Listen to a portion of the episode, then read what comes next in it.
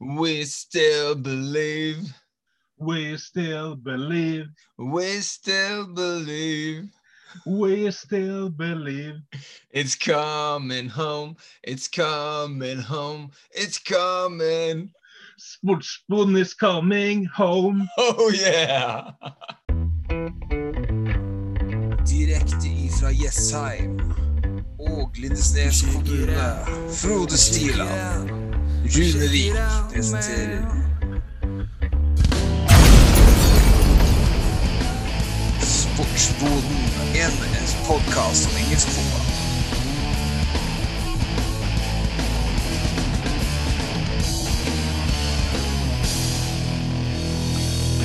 Åh, dette er en nydelig runde. Dette har jeg gleda meg til. Nå har vi måttet utsette det heran og deran pga. litt uh, sykdom med her og sykdom med der. Men endelig skal vi sette oss ned og fordype oss i fotball-EM.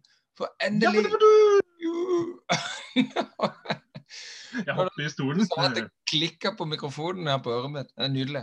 Uh, dette har vi venta på. Endelig har vi fått et mesterskap. Det skulle jo vært et EM i fjor, men, men verden ville det annerledes uh, pga. en pandemi. Men nå nå dundrer de på. Nå skal vi endelig få kåre en europamester i fotball for herre 2021.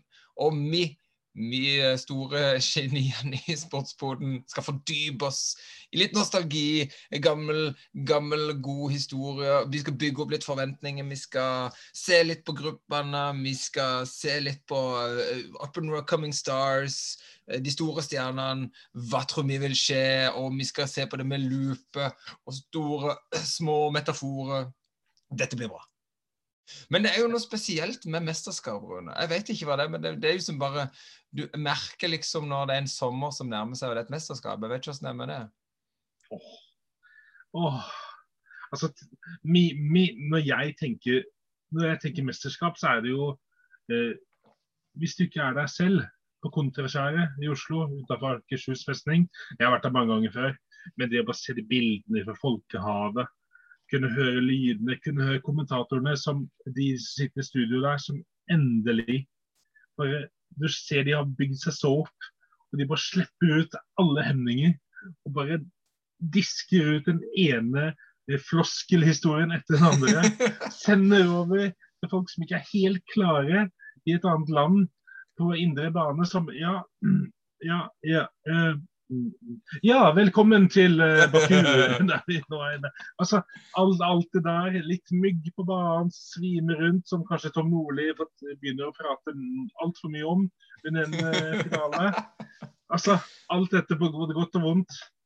Ja, det er bra. Det er, det er mesterskap for oss. Ja, Det er så deilig. Og det, det, er en sånn spesiell følelse. For det er en sommer er litt bedre når du vet at oi, det er et mesterskap. For det er masse kamper, og til forveksling for noen sitter på Premier League, når man heier på et lag veldig, så er det jo alltid den der sinnssyke nervøsiteten og, og frustrasjonen som ofte er der. Nå er det jo sånn, Jeg har jo ingen tvil om at jeg kan fortelle meg at jeg sitter her med England-drakt på meg. så jeg vei, Det er jo ikke noe tvil om at jeg heier på et lag under et mesterskap, men det er ikke, det er ikke den samme store passionen. Så du, du, setter deg ned og ser på masse gøy fotball med skikkelig lave skuldre og bare koser seg. Uh, se fotball med venner og, uh, og, kose seg. Så det er jo det som er en, en sommer med mesterskap, og det er det vi virkelig ser fram til. Uh, og dette det ligger jo an til å bli en, uh, bli en veldig uh, mange gode kamper. Det her kan det skapes Vi skal se litt på disse spillerne. Det er mange spennende spillere å ta tak i da. Og mange spennende kamper. Mulige, mulige store, store oppgjør som kan gi store historiske øyeblikk i, i denne sommerens EM. Ja, og det er jo altså det skaper jo minner for livet. Jeg leste en lang, lang, eh, lang eh, artikkel som Gareth Southgate hadde skrevet. The Guardian eller noe sånt. Eller eh, Telegraph eller et eller annet. Der han skrev at det, han har selv vært spiller på landslaget i 96 i England. Og han prater om at nå har de sjansen til å sette et merke, sette et fotspor i historien. Altså, det, det skaper de nye minnene. For oss så var det kanskje 92, 94, i hvert fall 96, så var det veldig svært, og 98 og sånn. noen her nå får 2021 som sitt mesterskap, som de ser opp til. Husker du, husker du vi var små pjokker eller fulgte med, eller som har det som sitt uh, mesterskap? Det er ja, det, det, er noe når du sier det. Det er noe spesielt. Det grøsser litt på ryggen når du sier det. For det er spesielt uh, i 96. Det var liksom Da var jeg elleve år. Ti. Elleve år, selvfølgelig. Og fotballinteressen bare hadde eksplodert. Og uh, mesterskap en hel sommer, og det var England. Uh, og på hjemmebane uh, England hadde EM. Jeg husker bare det så godt. Jeg husker så mange kamper. Jeg husker jeg tok det opp på VHS og så de om igjen. Jeg har sikkert sett England-Nederland-kampen tusen ganger. Nå overdriver jeg veldig, men den så jeg mange ganger. Paul Gascoigne. Fytti grisen og god han var i det mesterskapet. Um, det er liksom bare det Jeg har så sinnssykt store minner om, om det. Og det, det, det, kan jo bare servere den drinken til deg med en gang, Rune. -hmm. For det er jo sommerstemning. Uh. Og der, der, vil jeg bare trekke opp mitt største mesterskapsminne. For jeg, som var et av mine første. Det var Uh, har du en pina colada, eller? Nei, dette er en drink. Nei. Og drink, det er vel en, det er en brun, kjedelig engelsk lager. Men uh, det er ikke så mye drink. Men det er jo, det er jo godt allikevel. Det er ingenting ja. som å komme til England og tappe seg eh, få tappe en Callein på en skikkelig brun engelsk pub med god stemning i lokalet og allsang. Uh, før ja, gluten være gluten, for å si det sånn. ja, det får gluten være gluten. Nei, du får ta deg en sider, du, eller noe. Så. Eh, men vet du, uh, det er, jeg skal tilbake til EM i 96. Det var eh, en stor kamp da. Eh, I gruppespillet mellom England og Skottland. Og det er jo litt interessant, for de møter hverandre i mm. gruppespillet nå i 2021 igjen. Men de møttes i 96, eh, og det var jo liksom den uh, Battle of Britain, eh, den mm. kampen der. Og eh, der serverer eh, maestro eh, Paul Gascoigne. Han var fantastisk. Da var han en av verdens beste spillere akkurat i det mesterskapet. var han helt eventyrlig. Ja. Jeg vet, Gå tilbake til det målet som sikkert alle har sett. Det var dette vanvittige målet hvor han uh, får ballen på en sprett. Han vipper den over uh, midtstopper Colin Henry, som spilte på Blackburn. og over han og før ballen eh, treffer bakken, så eh, skyter han på volley rett i goal. Dette de, det er et av de beste målene, et av de beste minnene jeg kan huske. Og gassa. Jeg husker jeg, tror jeg hadde hvit T-skjorte. Jeg husker jeg, jeg tegnte England-logoen og gassa bakpå og var ute på jordet eh, hele sommeren og prøvde å gjenskape disse øyeblikkene. Men det, eh, det er det store minnet jeg har. og det, det, det kommer alltid tilbake, og jeg får like god følelse i kroppen hver gang jeg ser, ser den gålen. Jeg ser det, men jeg, jeg tenker jo at grunnen for å huske den goalen så godt da, det er fordi at det, kjenner jeg det rett. Altså, på, på, seg selv så kjenner man andre, er det ikke en sånn? Og det er jo gjennom eh, å kanskje ha spilt Championship Manager. Og Der var et av bakgrunnsbildene når, når den eneste på det fotballspillet som gikk da, det var jo sånn der, en liten rubrikk midt på skjermen, sånn avlang, rektangelforma, der, det, der, det, der det, det, som skjedde, hendelsene i den, i den fiktive kampen, den ble stimulert, så sto det tekst der. Nå fikk du dette spillet, der, som vi syns var kjempegøy, ja. det fikk du til å kjempekjølig ja, jeg vet. Det var dritgøy. Det, det, kunne, det, kunne være, det kunne være Bobby Moore eller noe sånt som var bakgrunnen av og til. Men det var og ofte Paul Gassa Gascoigne med den hvite, gråhvite luggen, som Phil Foden har nå, faktisk. by the way. Uh, men der han ligger på bakken, utslått, og han blir spruta med en sånn drikkeflaske rett i, rett i munnen av en av om det var Teddy Sheringham eller Steve McManaman eller ja, er, noen av disse heltene. Ja. Uh, legendarisk spiller. Det er helt sant, det. er helt sant det. Det var etter av bakgrunnsspillerne på, på Championship Manager. Uh, så det, det, er jo som, ja, det har nok bare brent seg inn. Men det, det er liksom det store med det var, bra. Der, ja. det var et bra mesterskap, og England kom langt. Og det var jo, ikke sant, Du nevner jo uh, Southgate, treneren som på en måte òg ble den store syndebukken i straffekonkurransen. Uh, I i uh, semifinalen mot Tyskland, vel. Nå, nå Ja. måtte jeg tenke meg veldig om så jeg ikke sier noe feil. Men det var liksom det, det. og etter, eh, og etter det mesterskapet der, sant, så gikk England stadig ut på straffe, helt til eh, VM, sist VM, når de faktisk klarte å gå videre på en eh, straffekonkurranse. Så det har de som brekker den lille forbannelsen der, og det hadde jo vært stort for Southgate da, å kunne da eh, ta dette laget, som eh, har masse potensial. Tenk å ta de, de skal spilles finale på Wembley! Tenk for. Southgate å dra de til Wembley. Det må være Det en liten sånn Det skal spilles semifinale på Wembley òg. Ja, det skal jo det. Det skal spilles semifinale. Men finalen på Wembley, det må være Ja. Southgate sin store. Oi! Hva er Så nå åpna jeg en eh, Nå fyller jeg oppi litt, eh, litt blandevann oppi drinken din. Du får en uh, mojito av meg. Skal vi se. Oi, oi, oi. Ja, jeg, Spenstig. eh, ja, jeg hiver på EM 2000 i miksen her. Oi. Ja, det var et mesterskap jeg, uh, jeg tilbrakte faktisk i Spania. I eh, Eller Mallorca. Mallorca. Eh, og der skulle jo Norge møte, møte Spania i første kamp. Vi hadde gruppe Spania, Slovenia og Jugoslavia. De var lagene. Den første kampen jeg husker jeg så på en pub. Eh, Jeg var jo jeg var Hvor gammel var jeg da? Ja, jeg var eh,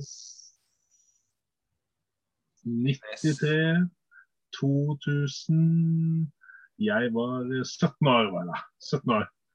Og da, da var det å se den kampen, og jeg husker det var helt stille. Helt stille på den puben. Det er det jeg husker. På grunn av en gjøk, en god gjøk. Steffen Iversen, spilleren som du har eh, prata med flere ganger. Tottenham-legenden oh, ja. og mye annet. Ja. Som eh, steg til værs etter et utspill fra Thomas Myhre. I duell med keeperen så kommer han inn fra høyrekanten, som Steffen Iversen spilte på, og vinner, hod, vinner en duell mot keeperen. Keeperen har armer, liksom. Ah, det var ikke Ah. noen god keeper. Det er, ikke, det er jo ikke som vi hadde hatt Casilla eller De eller noe sånt. Dette var en eh, Molina, en eh, litt mindre god keeper, men allikevel landslagskeeper. Og Steffen Iversen med sin tima gode spenst vant den og stussa den i mål. Da trodde vi at vi kunne gå hele veien. Ja liksom, sånn ta. Spania Ja. ta, uh, Skåre mot Spania der i første kampen. Da hadde vi jo store forhåpninger. Så jeg husker jo spesielt godt den kampen mot Jugoslavia. Ja. Uh, hvor, eh, hvor de drøye tida, og de eh, Og så husker jeg bare Jeg husker kommentatoren òg sa under kampen Jeg husker ikke hvem som kommenterte, men jeg husker bare når tilleggsminuttene kom. De sa at de skulle lagt til 20 minutter. Eh, For de begynte jo å drøye eh, supertidlig og spilte stygt og filma og Nei, det var en frustrerende kamp. Og etter det så har vi vel ikke sett Norge noe som helst. Nei. Men det er jo det, vi ble jo så godt vant, vi som er 90-tallskids her, at vi har jo Vi opplevde jo 94 og Ja. eh, 98 og 2000. Det var bare 96 var litt klønete ut mot eh, Tsjekkia. Tsjekkia, by the way, som var svingode i 96 med Patrick Berger, eh, Karin Poborski, Nedved osv. Solveiter. Eh, men, eh, men i 2000 så var det, da var vi rågode, det sier jo alle eksperter alt. Vi hadde, vi hadde stammen som var solid fra 98, og fikk inn krydderspillere med X-faktorer som eh, Jon Carew i tillegg oppi her. Og, eh, så det var, eh, det var mye bra. Vegard Heggem så var det skulle bli nye venstrebekk. Ja. Så det var mye, mye bra, altså. Heggen var god, altså. Det var potensial. Og det har vi jo nå òg, det bare det å få det ut, da. Det er en liten forbannelse over det norske landslaget, for det er mye, mye gode enkeltspillere, men det, det blir ofte, dessverre, det er et eller annet som gjør at dette blir en liten suppe. Eh, med de profilene vi har. Men vi håper jo. eh, gi dem litt tid. Nå er det jo det å bygge et lag i, i, midt i, i pandemien her er ikke lett for Solbakken, så her må du bare må gi han litt tid. Jeg vil ikke slakte noen ennå, selv om resultatene og spillet til nå har vært forferdelig. Men vi håper jo at vi kan skape noen store øyeblikk, og for det er det et mesterskap. Det er jo målet nå. Men Jeg sa, by, men way, jeg må bare rette meg selv. Jeg sa venstrebekk. Hegge var høyrebekken skulle bli, og Jon Arne Riise skulle være ny venstrebekken. Så vi bare legger den død Viktig å få den før Ja. kommentarfeltet eksploderer etter Før min mor begynner å si noe. Ja. Um, hva skal jeg si? Men vi er optimister. Vi vet det går bra til sist. Ja, det er helt sant. Vi, vi gir. Ja, og vi der.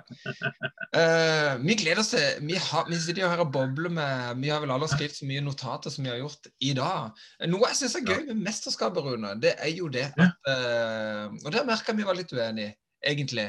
Uh, jeg syns jo dette er gøy, at det er ikke satt til et sånt spesifikt land. Og det har nok litt med at jeg syns hele den der eh, suppa med, med Qatar og eh, alle disse pengene de bruker på å bygge masse stadioner, stadioner eh, som alle kommer til å bli brukt noe særlig i ettertid. Det vet vi jo. Alle disse pengene som blir spytta inn i å bygge sånne ting. Det er jo ikke dette tilfellet, for her er det et mesterskap som spilles i mange forskjellige land. Det spilles hele, på hele eh, elleve forskjellige land og stadioner rundt omkring i Europa.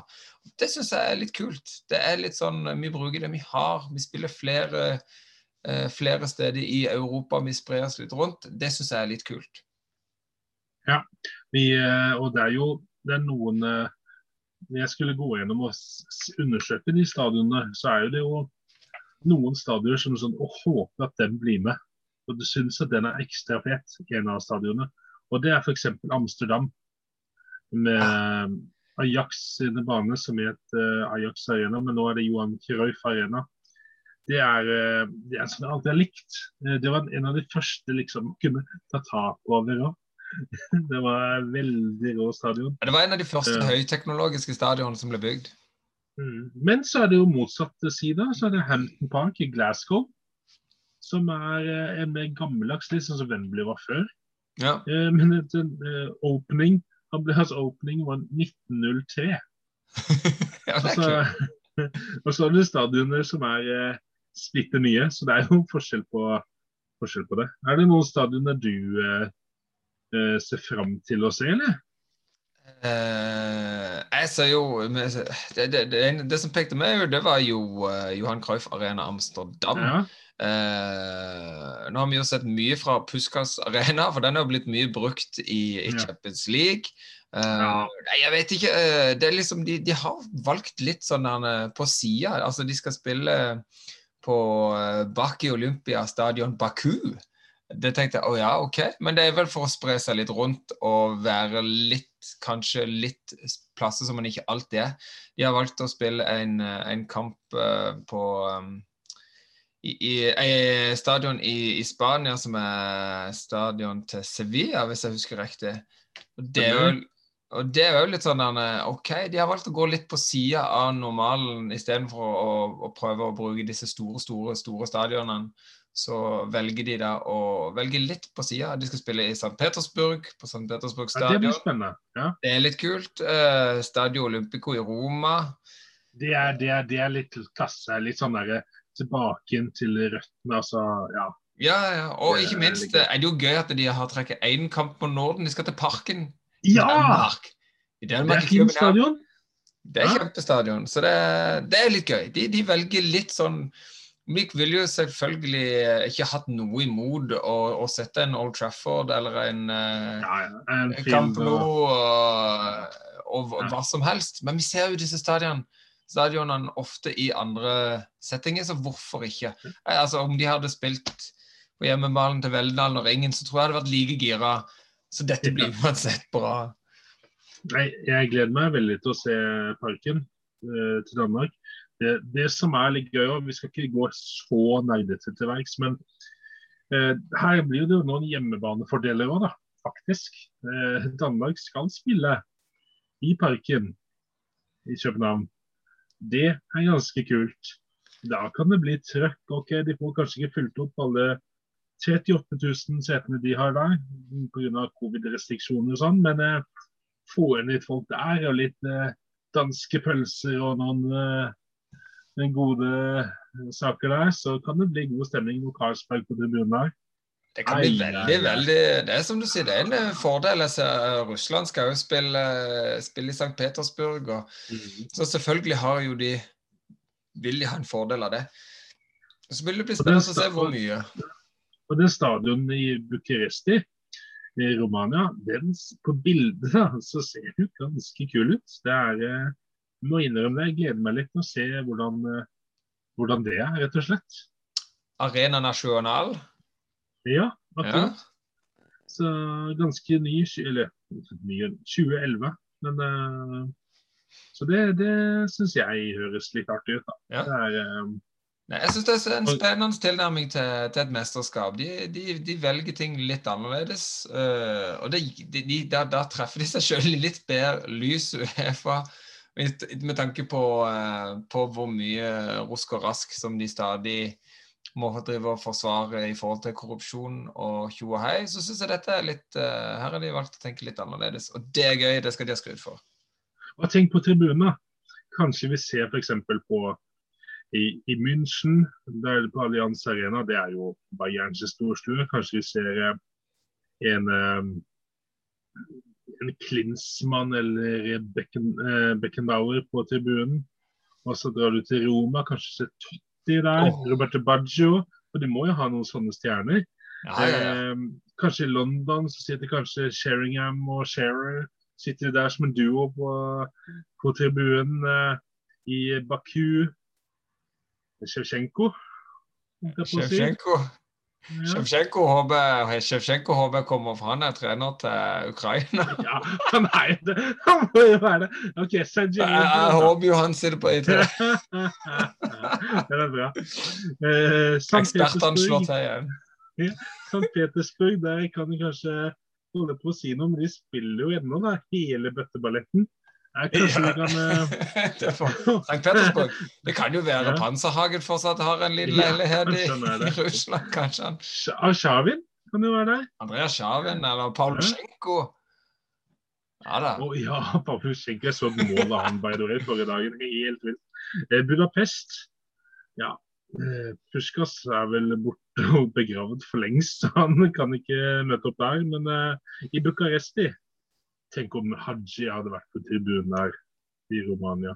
Det hadde vært vilt. Og kanskje en Patrick Cloyford eller Bergkamp i Amsterdam. Og, og noen gamle Torres og Dared Villa i eh, Sevilla. Og til slutt Hampton Park, en Colin Henry som kan kose seg der. Ja, det hadde vært nice. Ah, McAllister eller McCoist altså For oss gamle geekere så er det Nå, jo nå glemte jeg nå glemte parken. og Vi må bare ta med når jeg tar hele runden. Ja, ja, ja. Når du først er Brian Laudrup og Mikael Laudrup ah, Få de på det Store På de danske skjermen. Ja. Peter Schmeichel. Nei, dette det, det, det er sånn eh, Det er jo godteri for oss eh, gamle, nerdete fotballgeeker så mye. Det er jo sånn vi sitter og legger merke til. Når kommentatoren ikke husker hvem er det, ja? Og de sier ingenting, du hører de er helt tause, de har ikke kunnskapen, så sitter jeg der bare Men du ser jo at er Adrian Mutu, kom igjen, da. Hva tror du? da? Hvem er det produsenten har plukket opp nå? Hvem er det som sitter der ved siden av? Hvem, det? Hvem kan det være? Ja, Det er like frustrerende hver gang jeg sitter bare brøler til TV-en at jeg ser du ikke det? Nei, dette er bra. Uh, ja, det, det er mye å ta tak i her. Nå må vi bare passe på at ikke vi, ikke Ja. snakker oss vekk. Men noe som er gøy Mesterskapet til, kommer jo alltid med, med mye moro. Og én ting som alltid kommer, det, det er eh, mesterskap, og det er sommer. Det kommer musikk, Rune. Det kommer Ja. sang. Kvalitets, Kvalitetsmusikk. kvalitetsmusikk, sier jeg med anførselstegn. Ja. Mm. Og jeg hadde gleden av også, på at det var noen som, noen som delte en link til meg, Rune. Det var du. Du sendte meg en link til, til årets sang. Årets, Ja. uh, årets uh, offisielle europamesterskap-låt. Ja.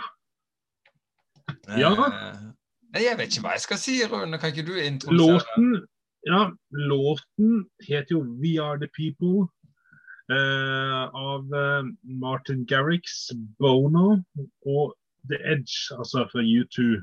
Ja. Og The Edge. Martin Garrix er en produsent som er eh, veldig, veldig kjent. DJ-produsent, ja. Ja. Uh, har du lyst til å hoppe først ut, så kan Ja, du vet hva, Jeg kan fortelle hva jeg følte med en gang jeg hørte den sangen. Du, altså, Hele sangen er f helt grei. Det er en fin låt. Uh, Du må ta med video nå, da. Jo, jo. video nå. Det er vel så viktig. Jo, jo, det er en fin video, og han viser liksom på en måte folk liksom kommer sammen om fotball. da. Det er litt som uh, to keller som treffer hverandre på puben og tar ei øl og skal se kamper sammen. Det handler jo om det å, å kose seg sammen med dette her. Det som mister med med en gang, det er det der det typiske U2 gitarflakke-flikkinga som går i bakgrunnen. Den der The Edge-knotinga Ja. på gitar. Og da mister du meg. Eh, For eh, i, i, i min musikkinteresse så Jeg har ikke så mye mot U2. Det er bare Det er så seigt, og de gjør det samme i nesten alle låtene. De har den der signaturgnukkinga til The Edge som går gjennom hele sangen. Og da mista det meg. Da vil jeg heller ha en Ricky Martin tilbake, eller en uh, Ja.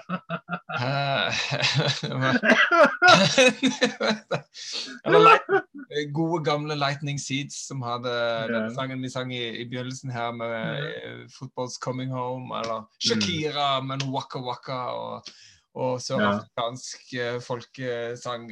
For dette var litt, litt pompøst. Akt, ja, U2-aktig, rett og slett. Ja. Terningkast to. Ja.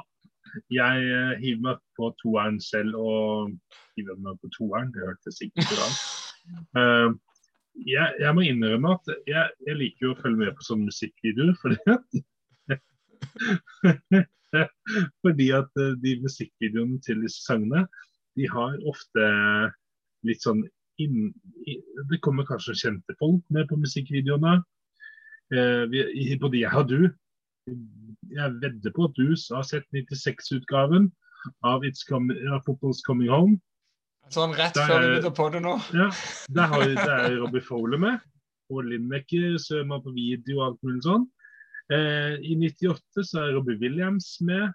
I Ja, ja, ja. eh, heiagjengen eh, i når det er sånn fiktiv kamp de spiller mellom noen busser. Eh, I denne her Jeg må jo gi det som et pluss, da. Den her så er en spiller Jeg tipper halvparten ikke vet hvem er. Mora mi vet jeg ikke hvem er. Jason McAteer. Jason McAteer med i videoen. Høyrebekk, wingback på Liverpool og Bolton og på Irland. Han er med i videoen og skårer et mål på slutten her. og Da ser du han har sånn der, eh, Irlands flagg rundt seg, og han har på seg grønn drakt og skårer et mål der. Som han gjorde i et mesterskap. Så det henger litt sammen hele det avslutter omtrent med det. Og det er litt pluss for Jason McAteer. Ja, det, Det- Men det er sikkert fordi at Bono de er fra Irland, så det er jo eh, ja, En liten greie av det det. er så enkelt som det. Eh, Men U2 over the top, altså. For min del. Jeg syns det var litt kult, men det var kult på en tid når Kurt Nilsen vant Idol. Altså det var med Elevation og sånn, han var den tiden der, liksom. eh, I 2002, 2003, 2004 kanskje, eller noe sånt. Ja. Etter det så er det Nei, det er, det er litt kjedelig rett og slett på musikkvideo nå, må innrømme det òg. Selv om Jason McAtee var med, og jeg gir det honnør, så må jeg innrømme at jeg, at jeg liksom begynte å tenke på andre ting underveis. Ja. ja, for det blir, Så det er helt greit som sånn bakgrunnsstøy, men det blir sånn der eh, Nei, det gir ikke pumpa. Det blir, OK, det får kanskje litt sånn der svulmende følelse. Litt sånn eh, på en stadion, høre den. Stadionrock er vel det YouTube prøver seg på, liksom. Alltid Ja. Men, eh, men jeg tror jeg hadde sittet, hvis jeg hadde vært med deg på kamp, så hadde jeg sittet og pratet. Jeg hadde hørt starten, og så hadde jeg begynt å prate med deg. Nei, du, du, du blir ikke dratt med han, dessverre. Og det som du sier, de er over the top. Jeg tror de hadde tjent mye på å gå med noe litt Litt freskere, litt nyere, som treffer litt mer. For det blir litt gammeldags. Jeg hører med mye gammel musikk, men uh, et, det er ikke noe som fenger med seg massene. Så Se på Shakira sin sang, som ennå er ganske populær. Altså, Jeg kan fortsatt høre den på radio. Den dukker opp. Det er fortsatt en hit. Um, så det skjer jo med noen av disse sangene. Men, men, men den er kommet for å bli. Coming home Det er jo Ja. Og jeg tenker jo at eh, en sang jeg, men det er sikkert bare fordi jeg er så oppslukt i de, den gjengen der. Noen fotballsanger Jeg føler meg av og til som 50-åring når jeg eh, når eh, når jeg hører på sanger og begynner disse andre sanger. Eh, men når jeg skal dra fra min favorittfotballsang, så er det fra 94. Nå tenker jeg kanskje på Norge. Nei. Ja, det var det, det, var, det var jo en klassiker. Ja, ja, nei, nei, nei. Da er det 'Når vi graver gull' i USA. Ja! Den svenske utgaven. Og da snakker jo musikkvideo med eh, Henrik Larsson, eh, Thomas Brolin, Martin Dahlin, eh, Claes Ingesson, Stefan Schwartz, Anders Limpar, Thomas Ravelli. Åh, den videoen, sangen der, det er sommer for meg. Men det er kanskje for det. Jeg har brukt noen somre i Sverige og har det som sånn der eh, Og prøvde alltid på feiringa til Thomas Brolin og sånn. Eh, Ja, ja, ja, ja. Nei, men nei, det, det- det, det er er eh, er Den hadde jeg nesten glemt, Rune. For det Den Sett var jo. Kos deg med den, og slapp av. Og, og kanskje se på dokumentaren om 94-VM på Sverige. Den finnes. Nice. Ja, for 94 var jo Jo, jeg husker jo veldig godt eh, 94. Ikke like godt som 96, selvfølgelig, men, for der var fotballinteressen bare mye større. Men jeg husker jo det der eh, den derne susinga. Det var alltid prat om fotballag liksom, for Norge, og vi er alt for Norge. og Apropos pompøs og litt traust. Ja. Men i og med at Norge gikk videre sånn som de gjorde, og gjorde det så bra, så bare på en måte, så passa det veldig Ja godt. da. Derne pompøse, vide alt. Og så når det går over på engelsk One for all, Ja. all for det er nesten kant. Men det er tilgitt. Uh, Men, det, men det er lov. Det var på 90-tallet. ja, det var 90-tallet. trenger det var Sånn det det Ja, den We Are The People, det er jo det er, det er 90-tallslåt. Bare Ja, det eh, er jo det. 2021. Ja. Det er det. Han er litt for gammel, eh, rett og slett.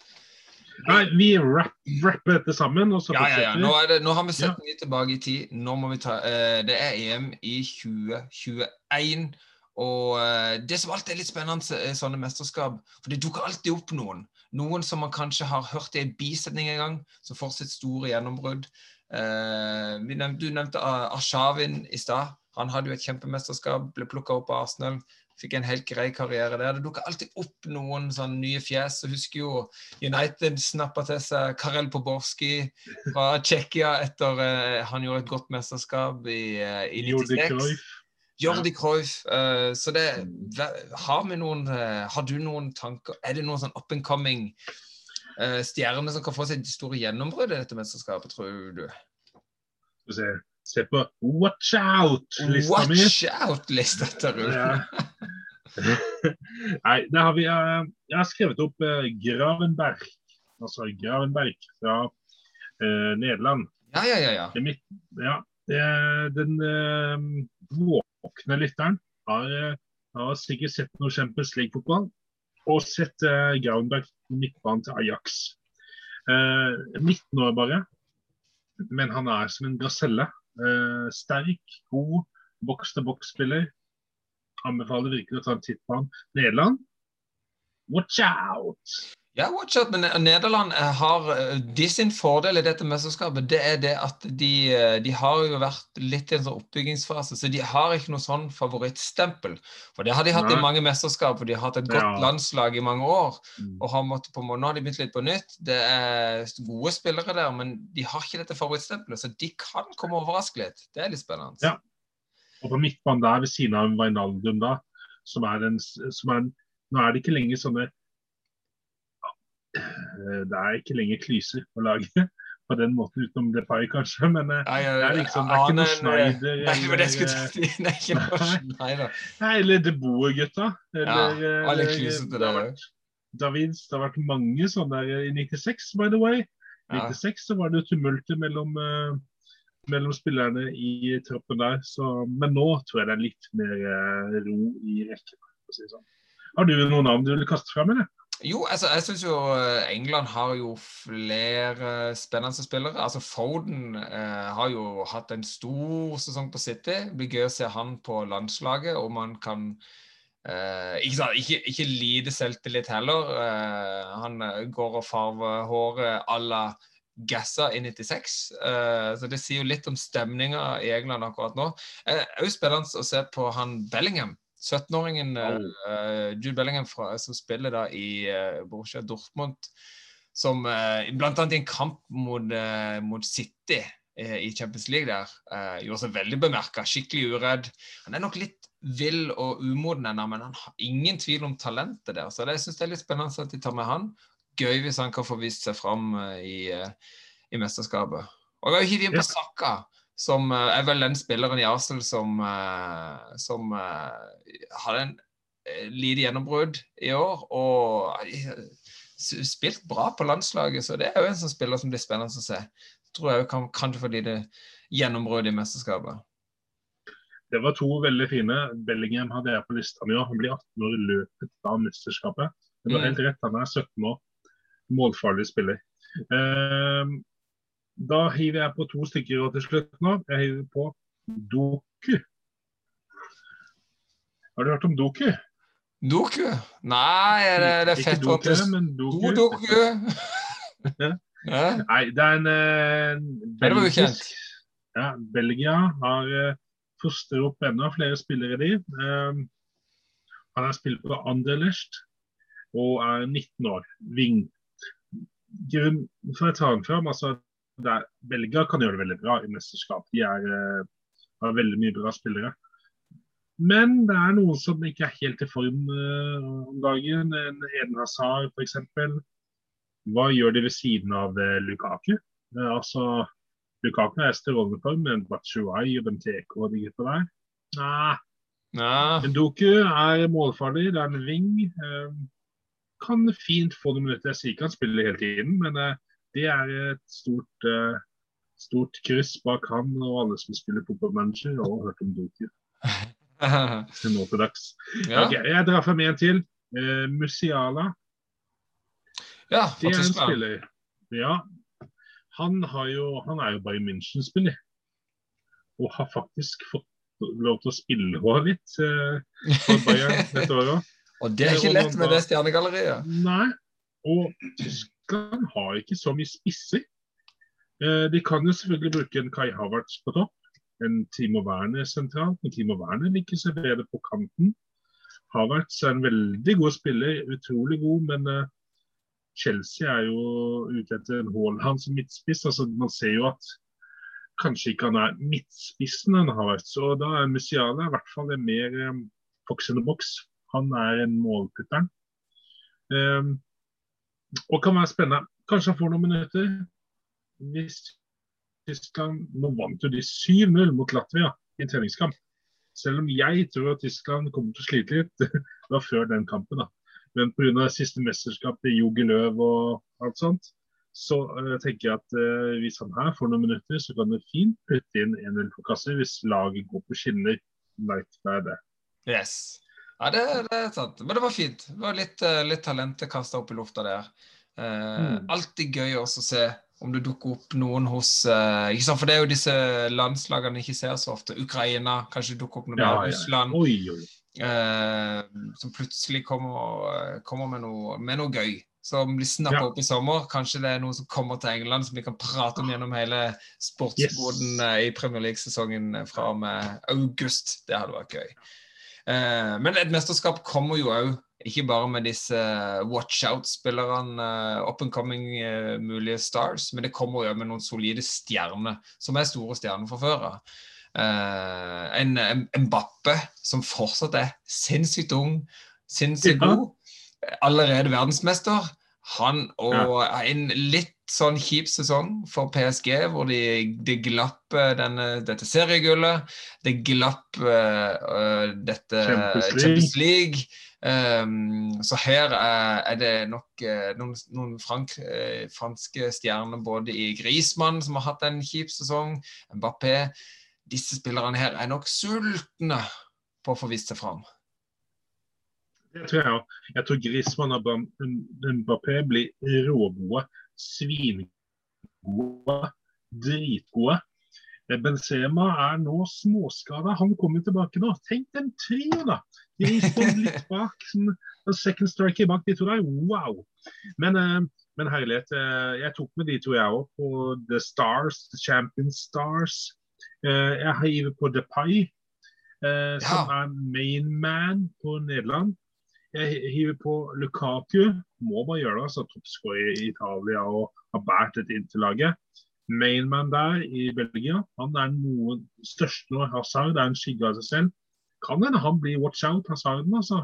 Men uh, Nei, Apropos en spiller som har noe å motbevise etter den sinnssykt dårlige ja. sesongen, eller dårlig, dårlige overgangen han har hatt til Real Madrid. Han har ikke overbevist ja. i det hele tatt, så han har mye å bevise. Og så kan vi jo Vi må jo nevne en Tottenham-spiss som er the main man. Han, altså, vi prater om å, skal Foden spille? Nei, jeg tror ikke det. Graylish skal spille, skal Mount spille? Nei, jeg tror ikke det. Rashford skal spille Sterling. Sancho. Men det er én på topp, og det er Harry Kane. Ja. Captain han, Kane. Han skal starte ja. hver kamp så lenge de trenger han. Han spiller hver kamp så lenge han kan stå på beina sine. Ja, ja, Hvis ikke de er allerede sikra eh, før siste kampen, da kanskje de putter inn på en annen men uh, Ja, da hiver de inn på en, en, en Calvert Lewin. Ja. ja. Det gjør det. Nei, Kane, Kane spiller Jeg jo, jeg, jeg ser på Portugal, da. Eh, tenk på at det, det er regjerende europamester fra forrige, forrige, mesterskap, og de kommer jo med Var du ikke fornøyd, Rune? Når, eh, når, han eh, Eder satt inn på det målet der, da skjønte jeg ingenting. når Rune er fortsatt dårlig. Jeg syns det var litt gøy, for jeg syns disse franskmennene hadde tatt seieren på forskudd. Og når, når Ronaldo røyk ut, alle var sikre på at dette her nede tar de lett. Og så kommer en spiss som pokker meg ikke har skåret på Må stoppe nå. Ja, Portugal. Portugal. Portugal det er sånn lag som bare vinner 1-0, og som de, spiller Det er så synd, da, for så mange stjerner. De, de kjiper seg videre hver gang, men de har jo et utrolig mye bedre lag nå enn de har. De har en, ja, nå er de bedre lag. Ja, en årets spiller i Premier League. Eh, stopper Ruben Diaz. De har eh, Bruno Fernandes. Eh, eh Ronaldo. Eh, store, store Felix. Spilleren. Ja, Felix. Eh, Jota. Jota. gode spillere. Motinho. det er mye gode spillere. Altså. Cancelo. Gud, for et lag. Så, altså, nå, er det, nå er det godt lag. Nå er det, nå er det godt lag. lag. Ja, ja, så det er absolutt en av de som kan gå fryktelig langt i dette mesterskapet. Ah, ja, de gjør vel det. Ja. Jeg, har prøvd å tippe, jeg prøvd å tippe denne mesterskapet, jeg, og jeg har ikke de videre. Men det tror jeg liker like mye hjerte omtrent som uh, spiller inn. på det her. men så skal vi komme tilbake til gruppen etterpå. Da skjønner man kanskje hvorfor jeg har sendt de videre. Ok, ja. ja. Det, det, må vi jo yes. se på. Ok, Men eh, toppskårer, hvis vi tar det til slutt, før vi tar grupper og ting. Har du noe eh, du vil eh, ja, det er første, der? er første som slår meg Oi, oi, oi. Vet du, oi, det en Sex on the Beach til deg. Ai, ai, ai. Han kom så plutselig der. Mm. Nå er jeg spent. Jeg tok en slurk sjøl, jeg. Ja. ja. Nei, det var deilig. Sender den igjen ruta. Du får med sugerør, så vi slipper å dra borti hverandre. Ja, ja, ja, men det er så greit. Um, Hygienisk og fint. Ja. Min, eh, min, lille gave til deg nå, en lille drink til deg nå ja, Nå er jeg spent på denne drinken her. Altså. Det er, eh, den er gammel, altså. Det er eh, fra 1976. Oi! Jeg selv ikke opplevd det, og man skal jo ikke begynne å prate om ting man ikke har opplevd sjøl. Nei, men det er en god gammel årgang. Men uh, Tsjekkia, Tyskland i finalen. Det var straffesparkkonkurranse. Tsjekkia vant pga. straffa de hadde. Og den ble skutt utført av en spiller som het Panenka. Da kan man bare lure på hvordan han skjøt den straffa, eller hva? Ja, ja, ja. ja. Hvordan skjøt han den straffa? Det var hardt nede i sida. Var det en, en smyger oppi krysset? Jeg lurer på. Midt i mål. Ja, mm, ja, ja. ja. ja. Ikke bare midt i mål. En liten skitt midt i mål. Ja, nei, den eh, syns jeg Da, da, fortjener du på en straffe oppkalt etter deg selv, altså. Ja, ja, ja. De gjør det i finale. Jeg har ikke tenkt over at det var finale. Jeg trodde det var bare en spiller som gjorde det sånn. Du har jo uh, ja, du har mange ting som har blitt kjent av spillere og lag og sånn. F.eks. Startvippen, som var kjent på 90-tallet. Eh, du hadde Zidane, hadde en, denne han snurrer rundt, tråkker på ballen og snurrer rundt. Og du har forskjellige overgangsfinter, Cruyff-vending, alt mulig. Men Panenka-straff, at ikke han straffer du har gjort en finale. Og det der jeg hører, Du har hørt om Panenka hele tida. Jeg tror det Ja. bare var sånn latinsk ord for uh, chippy. Chip, chip, Ja. eller noe. Nei, Nei det er stilig. Ja, det var fint. Ja, ja. Det visste jeg ikke. Nå lærte jeg noe nytt. Apropos finte. Jeg husker, var det i 98? Jejo Kocha, Nigeria. Hadde en finte som vi øvde og øvde på, som bare var helt enorm. ja, ja, ja. Ah, Jejo Kocha. Ser godt, ser godt. Ser godt. Nei, vet du hva, jeg har en et, et, eh, Når det gjelder toppskårere, som du begynte på før du serverte meg den herlige seksen uh, Panenka Beach, eh, Oh. så skulle jeg til å si eh, Vi nevnte Mbappé, eller Mbappé. Eh, vi får ringe Roar eh, for å finne ut hvordan som uttaler Rå Stokker, som uttaler det riktig. Mhm. Uh, Mbappé kan være toppskårer, definitivt. Lukaku, fantastisk sesong i Inter. Uh, Moste inn på mål der. Omtrent skjøt de til seriegull ene og alene. Uh, som jeg tror kan skåre mye mål. Harry Kane var fantastisk eh, for eh, Tottenham. eh, og bar det laget på ryggen til den plasseringa de fikk. Eh, som absolutt kan bli toppskårer.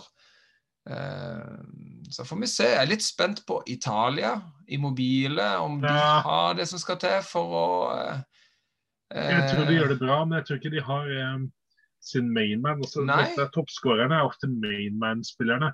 Hadde jo Klause i Tyskland eh, bak i sin bak i dag nå. Zlatan har vært det. Og ja, videre og videre. Men jeg, jeg tenker Mbappé, Kane eller Depay. Ja, Depay kan være målfarlig. Depay skyter. Han han er så ego òg. Han kliner til. Han er, han er sånn ja, ja. Sala Sala-hode når det gjelder akkurat avslutninger. Skyter, skyter, skyter. Ja. Ja. Og når han er i form, og når han har selvtillit, så, så treffer han. Eh, noe man burde sagt med en gang, som egentlig bare skulle vært en selvfølge, er jo Lewandowski. Men han er dessverre på et for svakt landslag. Ja. Han har ikke de rette spillerne rundt seg. Når han mister de, så mister han mange mange gode fotballhoder som serverer noen nydelige baller. Eh, så det er jo synd for en så sinnssykt god fotballspiller. Eh, men for alt i verden, Polen det er jo et lag som kan overraske. Eh, men det står mye på form. Ja, jeg liker å tro at her kan alle Rune ser bare tvilende på meg. Jeg liker alltid å tro Ja. at alle har noe å komme med det mesterskap. Tenk Finland! jo de har Finland har fått snikt Ja. Tenk hvor gøy hvis Finland kunne ha tatt en skalp. Tenk Island. Tenk Wales. Ja. Det er alltid noen som overrasker. Ja, det er det. Ja, Sør-Korea det er noe år i, eh, i. VM. ikke sant? Det er alltid noen som kommer fra sida og tar noen skalper. Hellas! Hellas, ikke sant? Vant det ene året. Himmelen har. Ja. 2004. Det kommer vi aldri til å glemme, for det var det ingen som hadde trodd. Så her kan alt skje, Rune. Til og med Polen kan vinne EM. Ja. Eller Polen enn Portugal. Ja. Er du enig? ja. uh. Men du, vi, nå, nå, nå eh, runder vi nær mot slutten. Vi ser litt på, på gruppene. Uh, prognosene mine, hvem tror vi går videre? Hvem tror vi go all the way? Og avsluttet helt til slutt, hvilke storkamper er fra gruppespillet anbefaler sportsboden? Oh yes. Oh yes. Ja. Gruppe A. Italia, Tyrkia, Sveits, Wales. Wales. Um, Ja, det er midt på tre grupper sånn i, Ja. i, i kvalitet og store kamper. Jeg gleder meg jo til Italia og Wales. Det er jo store stjerner med der. mm, Tyrkia hadde bra kvalik, de var solide. De spilte jo mot Norge. Eh, og har et, et landslag som ikke er lett å spille mot. Nei. Um, det er jo Og, Wales, og Sveits eh, har jo flere spillere i Bundesliga. Og Wales er jo mange fra Premier League, så det er jo gode all over the place sånn delvis. Eh, men hvis vi tar litt nøkkelspillere litt kjapt, og hvordan vi tror det kommer til å gå, så eh, Italia, midtbanen med Jorginho, Barella, Verratti, svinbra. Stemme med en. Chiesa på topp. På vingen der, litt sånn som faren. Enrico Chiesa, hvis Åh. du husker han. Yes. Midt, ja, midt, midtforsvar med Bonucci og Chiellini, kanskje. Men er det så solid som det var før? Det er spørsmålet. Men jeg tror det likevel er solid nok til å ta førsteplass i gruppa. Hvem tror Ja. du henger på Italia? Uh, det første som slår meg, er Wales. Litt fordi de hadde et bra mesterskap sist. Det er jo noen spillere som i, var med der som ikke er med nå. Robson Canoe, som var veldig god og skåret noen viktige mål. Ja, men han var god for mesterskapet. mesterskap. Han, ja, han var det. Han var det. det er jo ikke noe, det er jo ikke noe, eh, det er ikke noe eh, feinsmaker, men en kriger. Eh, Ja. Og det er jo det Wales eh, hadde. ikke sant? De hadde krigerne, og så hadde du eh, Ramsey, som er det fotballhodet han har, og, og så har de Bale, Bale. kan putte. Og Daniel Eh, James. Daniel James. Daniel James, den minst. farten hans. Ja, ja, ja. Så det er Ja, noen S der, er- altså. Så i mitt hode tenker jeg OK, Italia-Wales. Eventuelt Italia-Tyrkia. Ja, Jeg tror Jeg ikke Sveits tror- har det som skal til for å gå videre. nei. Jeg tror det blir Italia og Tyrkia. Litt på grunn Uh, soliditeten bak. F.eks. Wales har mistet Ashley Williams baki der. Ja, Eh, og nå er det. Jeg Tyrkia har Soyuncu, en Leicester-midtstopper. De har Demirel, Juventus-midtstopper. Backupen er Kaba, som spilte i Liverpool. OK, litt småuheldig, men allikevel. Det her er en eh, potensielt veldig god midtstopper. Jan Yilmaz, eh, toppskåreren deres, som spilte i Lille, som vant Ligue 1. Eh, også en midtbanespiller, spiller på AC Milan, som ikke jeg skal prøve på å nevne navnet på nå. Jeg har ikke mulighet til å si det, men han er langt navn, og han er veldig god til å skyte frispark. Så jeg tror det blir på den uttalelsen litt senere. Rune. Ja. Og, men Sveits selvfølgelig spennende med en uh, Shakiri, for min del. Ja, ja. Det syns jeg kan være gøy. Men uh, jeg tror ikke det holder uh, helt til. Nei. Ja, men det, da er det eh, Italia, Tyrkia, Tyrkia Wales, ja. Well, ja. ja, Italia er vi sikre på. Tyrkia, Wales? Mm. Nja. Timeshow. Spennende Jeg tror vi er litt uenige der, men eh, Ja. Ja. Jeg tror Tyrkia, du tror kanskje Wales. Men det tror jeg er litt hjertelig Wales. som sier Jo, selvfølgelig. Det er jo det er, Det er lov. Det Great er lov. Britain, you know. Ja. Uh, da, vi går okay. videre til gruppe B. Uh, det er jo en gøy gruppe, da. Det er Belgia, Danmark, Finland og Russland. Det er litt spenstig. Det er jo, uh, jeg blir litt sånn glad på mine nabolands vegne. Veldig gøy at både Danmark og Finland og Sverige er med. Sverige. Så synd Ja. ikke Norge er med. Men eh, så her er det jo flere lag på en måte. ikke sant? Hjertet sier jo at det uh, hadde vært kjempegøy med både Danmark og Finland. Men så står jo Belgia der. Det skjer ikke. Det skjer Det ikke. skjer ikke. Det skjer jo ikke. Uh, det er, er, Belgia er bombesikker på å gå videre. Ja, Eh, Da tar vi Belgia nummer én. Belgia nummer én. De har Ja. eh, laget. De beviste òg forrige mesterskap at de klarer å spille sammen. De har hatt superstjerner i mange år, men de har slitt med å få uttelling med dem. Forrige mesterskap, eh, fotball-VM, gikk de helt til semifinalen.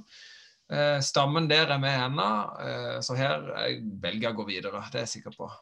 Ja, noe tregt forsvar. altså Fertongen og Aldevereld og Femalen som er med òg. Det er gode spillere, Denayer. Men eh, nå må de ta trofeet. Ellers så tror jeg egentlig det toget eh, går snart. Da er Hvis ikke de får noe nytt. Altså, da der begynner de litt på nytt der òg, altså. Det er sant, det. Eh, nummer to. Jeg er freidig å i Danmark. Ja, det er jeg helt Ja. enig i. Ja, så bra. Da er vi Ja. enige. Eh, Det er jo et lag altså, defensivt råbra, men eh, med sønnen Schmeichel og en eh, Simon Kjær som spiller fast i AC Milan. Ja. Det, altså, hvem andre midtstoppere skal være ved siden av? Du kan velge Andersen som spilte i Fulham. Du kan velge Vestegård, som spilte i Southampton. Du Ja. velger nok allikevel Christian, Andreas Christian Christensen som spilte i Chelsea. Så du har jo så mye å velge mellom. Som hadde et kjempeinnhopp. Altså, det innhoppet han hadde i Champions League-finalen, å komme inn i en finale med en skada Thiago og spille dritbra. Kanon. Nei, altså Du har-. Du har, ja, du har midtbanen med Delaney og eh, Christian Eriksen. Eneste altså, OK, du har en spiss som spiller på Barcelona. Du har eh, du har andre, en annen Josef Bonsen Paulsen som spiller på Leipzig. Men de spiller jo ikke førstefiolin. Nei. Hvis du tenker på. Braithwaite, så, Ja. eh, så, så var jo han en, en kriseløsning pga. skadeproblemer. Men det er Barcelona! Det er Barcelona. Det er ingen tvil om det. Ja, nei, jeg skal ikke ta fram noen Barcelona-spillere, det. Men eh, nei, det er jo det det står, står litt på her. De har ikke superspissen der. altså. De har ikke Men de skårte, de vant nå ja, de vant nå veldig mye nå. Og de, de, de spiller offensivt. Og de får inn noen dødballmål. De kommer til å gå videre. Jeg er klokkeklar på. Det er jeg helt sikker på. Det, det, og det står på Danmark har et samspilt lag. De spiller sammen uh, og uh, kriger til det bitter end, og det får du resultat av, uansett om du har, uh, har disse sykt gode enkeltspillerne òg, altså. Og, og så tar jeg Russland som nummer tre. Janin Golovin, Juba eh, og Sjirikov på bekken ennå, faktisk. Mye, mye bra. Eh, tror ikke det holder helt inn. Og Finland nummer fire, Temo Pukki eller Robert Taylor på Brann. Ja, det er mye artig, men det, det er det, holder ikke, det holder ikke mål. Men det blir gøy og interessant å se det, i hvert fall. Det gjør jo det. Og det er gøy at de det er Finland som hadde i sin tid hatt mange store eh, Jarre Littmann, ikke sant? Hatt mange store spillere. Eh, Samme hype. Sami Hypie eh, så så det, det er jo gøy at de er med i, i det gode selskap. Eh, I Liker utgangspunktet med Kottela til på Ikke sant? Med, tanke på profiler Norge har nå, med både Haaland og Ødegaard, så burde vi selvfølgelig vært der. Eh, Men vi er på vi. Vet du han eh, keeperen som var keeper i Bolten? Jeskelein. Han var god. Han var dritgod. Kjempespiller. Nei da. Eh, men heia Finland. Håper de kan få vise seg litt fram og kanskje gi de andre lagene litt trøbbel. Men det, jeg tror nok, jeg er enig med deg, Belgia og Danmark går videre fra gruppe B. Ja. Vi jumper videre til gruppe C. Ja, den, den er jo bankers. Der sier vi på topp Nord-Makedonia! Ja, Nå, nå er jeg litt nysgjerrig, for det, dette her har ikke jeg fått med meg. Jeg visste ikke at det var nord, Er det Nord- og Sør-Makedonia? Hva har skjedd her for noe? Altså, ikke noe geografigeni, men hva har skjedd der for noe? Nord-Makedonia, det er jo det er, Diskusjonen går jo på at uh, før gammelt av var Makedonia et kjempestort uh, område. Eh, Ja. Lenge før uh, Kristus tid så var det et stort område. Mye av Makedonia ligger i, i Hellas. OK. Og det blir heller som et stort fylke, altså, eh, hele Makedonia i seg selv. Som et stort område, bare. Eh, Så da er sånn OK, hvis du skal ha et land da, som er, heter Nord-Makedonia, så får heller det bare hete Nord-Makedonia. Så det er ikke noe Sør-Makedonia. det Resten av Makedonia-delen, det er i Hellas. OK. Så det er liksom ah, Ja, ja, OK. Ja, det, det, det, det-. Heia Nord-Makedonia. Håper de Ja. har noe å vise seg fram. Ja, de har en, de har en eh, Alioski. eh, er Sikkert ikke sånn det uttales, men han på Leeds, han er fra Nord-Makedonia. Ja, ja, ja. Så det er eh, småfancy. Kom ikke på en eneste til. Eh, men vi- nummer én, i hvert fall. Vi må hoppe rett til den, og det er selvfølgelig Nederland. Nederland går videre derifra. Det er, I mitt hode med en gang jeg ser det, så er det på en måte den klareste gruppa du kan plukke. Det er Nederland går videre fra den. Hvis du skal eh, spille noe fantasy, en fantasy, så plukker du Nederland-spillere. Sånn. Ja. Ja, det er derfor jeg sier Depay som toppskårer. Her ligger det til rette for ham. Ja. Så, ja. Eh, Hvem som blir nummer to? Der er jeg litt usikker med meg sjøl. Østerrike har bra landslag. Jeg er usikker på Ukraina, for i mitt hode, som er vokst opp med mye gode ukrainske spillere Ukraina har alltid hatt en liten stamme med gode spillere. Nå er det lenge siden jeg har fulgt noe med der.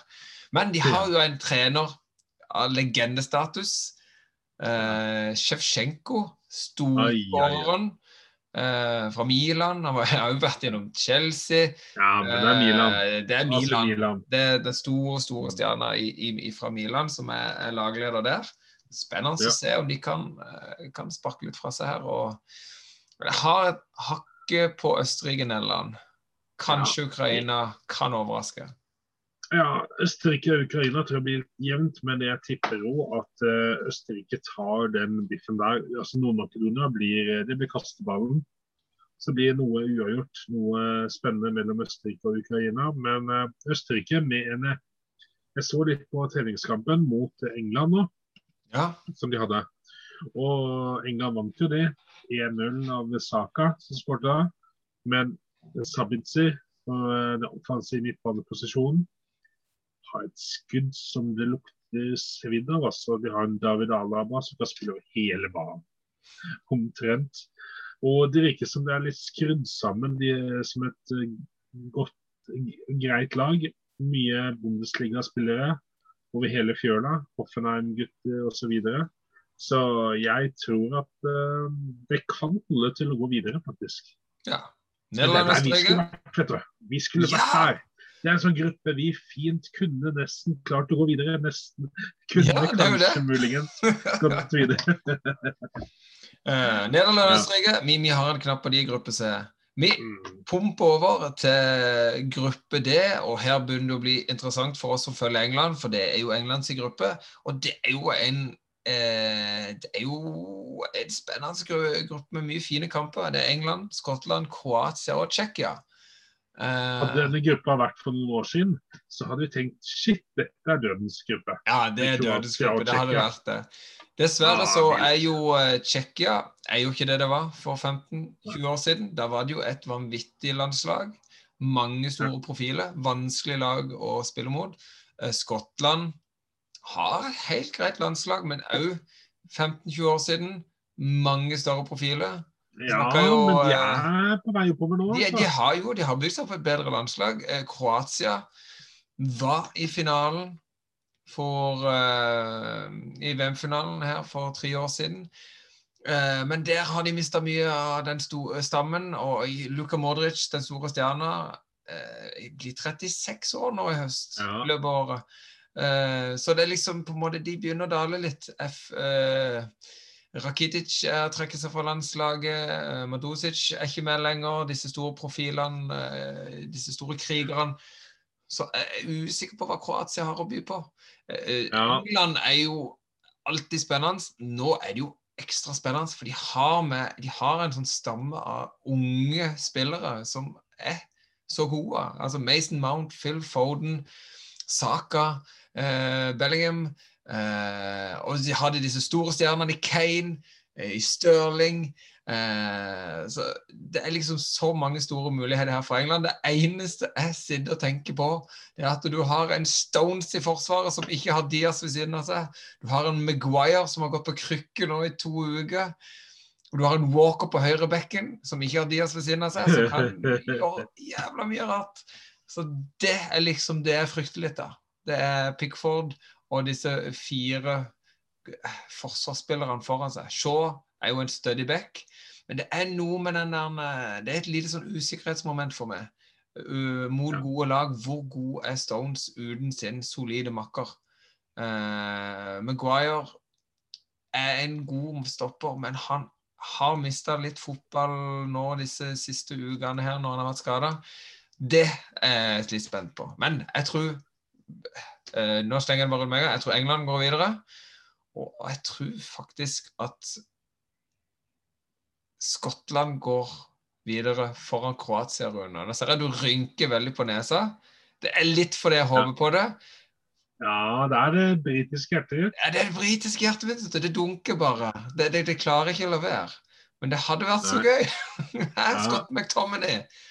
Ja, Ja. jeg veit. Han- han Andrew er et fenomenal, ja. venstrebekken. De har fått til og med en spiss nå.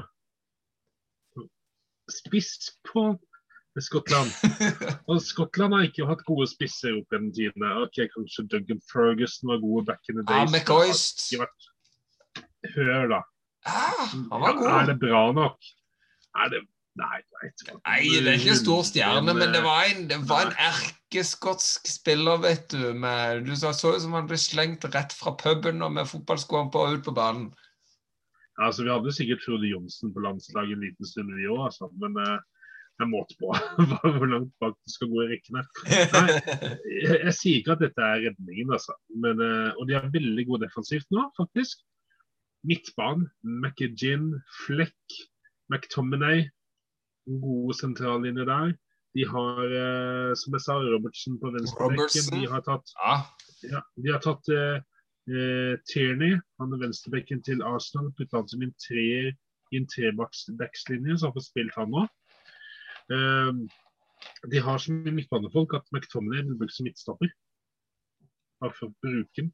Tenkte det er litt Ja, det er- Spille, spille midtstopper. Spissen trenger å holde på hatten, for det er ikke så stort. Men likevel, det er litt giftigere enn kanskje normalt. Ja, Che Adams. Ja Jay Adams. Og han har Ja. skåret sånn her og der han jevnt og trutt med mål. Det er ikke noe å kimse av det, altså. Det er ikke, det, det er ikke, det er ikke en mesterskapstittel vi lukter på her, Nei. men det er et lag som kan overraske, det, tror jeg. Men veit du hvordan han ble eh, eh, tysk, holdt jeg på å si? Eh, han, kunne, han var sikkert noe annet der òg. Men veit du hvordan han ble skotsk landslagsspiller? Nei. Jo, altså, han har jo aldri bodd i Skottland. Og, og han er født, født i Midlands, altså midt i eh, England. ja. Ikke at jeg er så veldig god på engelsk geografi, men eh, det er vel rundt Birmingham-trakten eller eh, Ja. Eller tar jeg helt feil om Midlands? Nei, det tror jeg stemmer. Ja. Midlands. Ja, OK, vi sier det. Ja. Så får noen ta oss på det. eh, han har ane i, Han er jo han har ane fra Antigua og Antigua Bermuda, eller altså ja, en sånn øygruppe. Det hadde vært nice. Ja. Kunne ta landslagskamper der. Men han har en bestemor fra Skottland. OK. Det var Derfor nok. får han spille for Skottland. Så hvis du, hvis du går på sånn der eh, My Heritage og søker på slektstreet ditt, eller et eller annet sånt, og hvis du finner noe annet langt baki der, så kanskje man får spilt for eh, Nicaragua eller et annet. Jeg vet ikke. Nicaragua. det er gøy, da. Der står plutselig gøy. 1,93 høy. Ja, ja, ja, ja. Ja. Eh, eh, nei, det hadde vært fint. Ja, blir var solbrent etter en halvtime på dagen. Ja. Det er flott. Fått varmesjokk, hadde svimt av, vet du. Nei. Eh, men i hvert fall, eh, Ja. det kan være litt kult å se en Southampton-spiss der. faktisk. Tenk han får spille i EM, og ikke Danny Ings. Ja, det er jo helt vilt. Det er vilt å se på hvilke spillere som kommer med, og hvilke stjerner som må sitte hjemme. Ja. Det er jo sant. Ja. Hei, jeg tror England. Eh, ja, Jeg tror England, Skottland. Hva tror du på nummer to? Nei. Regner med England på toppen av de listene? England, England Ah, ja, bankers. Eh, Jeg sier Kroatia, men de har mista loveren. Han er ikke lenger førstevalget baki. Han er i troppen, er ikke førsteelver. Du sa Manzukic, han er utrolig viktig. Han er borte. Rakitic er borte. Men Brozovic eh, fra Inter, eller hva det heter nå. Men eh, de har jo Kovacevic òg, eh, på Chelsea. Ja. Ja. Eh, så det er, det er noe bra der, men det er ikke lenger det samme fyrverkeriet. Så håper vi på litt Modric-magi. Jeg tror det holder til andreplass. Skottland på tredje. Snakka bra om de. Tsjekkia er ikke Tsjekkia lenger. Så dessverre, de havner på fjerdeplass for min del. Ja. Håper vi ser det igjen seinere. Spennende, spennende, spennende. spennende. Gruppe E. Europa Der har, er vi, ja, der har vi de svenske naboene våre. Vi har Spania, Slovakia, Polen. Kjør. Kjør. Uh, nå har det jo vært et mesterskap i Hvaler uten litt uh, litt trøbbel, litt, uh, litt eh, negativitet og skandaler og tjo og hei. Nå har det jo allerede vært eh, Det glemte jeg å si i stad. Det er jo litt politisk her. og Jeg må bare nevne Ukraina har jo trykket ei drakt med hvor de har kartet til Ukraina rundt logoen. Og Dette har provosert Russland, for der har de tatt med dette stykket som de krangler litt om. Det har vært litt krig om og sånn. Ah, Det har de tatt med, ikke sant? Så de har kjørt litt politikk inn i draktene sine. Det er jo Mm. selvfølgelig skapt litt sånn. Så det blir jo spennende å se hvordan det utvikler seg for mesterskap og altså store sånne ting. Sports-OL skal være noe som skjer i fred og i vennskap. Så vi må se hvordan dette kan utvikle seg. Og, men da er vi kommet tilbake til, til Spania, som sliter med covid. Eh, kaptein Busquets eh, ble, eh, fikk eh, korona. diagnose her, og de har, måttet, de har brukt litt sånn U-spillere i treningskamper, så det er jo litt spennende å se hvordan de klarer å få samspilt dette laget. Men Spania har kvalitet nok til at de, de har en stor tro på vil gå videre uansett hvem de måtte starte med.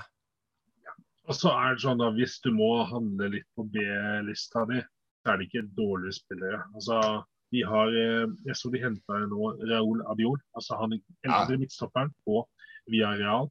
Eh, som tidligere har vært i Real Madrid og mange andre god. God spiller, det. Ja, da, og, det, han er sikkert treig òg, men det funker det bak i en sånn rekke. Og midtbanen er fremdeles Tiago, Kåke, eh, Rådi eh, fra City. Så de har nok spillere. De mangler kanskje toppspiss. Um, topp der, men de har Moreno som spilte i Villarreal, som putta. De har Ferran Torres, uh, så de har, uh, har mye bra. Altså. Så, mye bra spillere, men det er liksom jeg, ikke Det mangler ja, litt. Det er ikke nei. Niesta, ikke sant? Det er ikke Sjarvi jeg tror de er over the top. Og jeg er så freidig og henger Sverige over det, faktisk. Ja, spennende. Ja, nå, nå, nå så det som du så som et stort spørsmålstegn her. Jeg, stod, jeg måtte, måtte, bare rense halsen min, så måtte jeg se litt hva jeg har skrevet. Jeg har jo eh, jeg har, Jo, altså, jeg tror Spania klarer å kare seg vill. Jeg har ikke Polen, jeg har ikke det. Jeg elsker overraskelser, men jeg har ikke Polen på topp. Men eh, hvis Polen overrasker meg å gå videre, vinne gruppa, dritkult. Underdogs. Hei alltid på underdogene, må jo gjøre det. Nei, vet du, jeg, tror, jeg har satt Spania på topp og Sverige som nummer to. Eh, men jeg er fortsatt enig med det. Jeg tror eh, litt som eh, Litt som Kroatia, så er Spania litt i en sånn nedadgående kurve de var jo definitivt det laget å se etter, og den ligaen å se etter på slutten av 2000-tallet i måten å spille fotball på. De hadde jo de, var bare best. Du hadde ikke noe å stille opp mot der. Men de har ikke disse Altså, Ramos er ikke med. Du har ikke disse Iniesta Ja, eh, og spiss. Ikke sant? Det laget som er vant til å ha Raoul, eh, vant til å ha Torres. Eh, Torres. Vant, eh, disse sinnssykt gode spillerne som bare David Villa, som bare var garantister for å skåre masse mål. Det er det ikke nå. Så det blir spennende å se. Hvordan velger de å spille rundt dette her, da. Nei, eh, hva med meg om Sverige, da? Jo, jeg mener at nå Og da Jeg har ikke lyst til å prate om covid.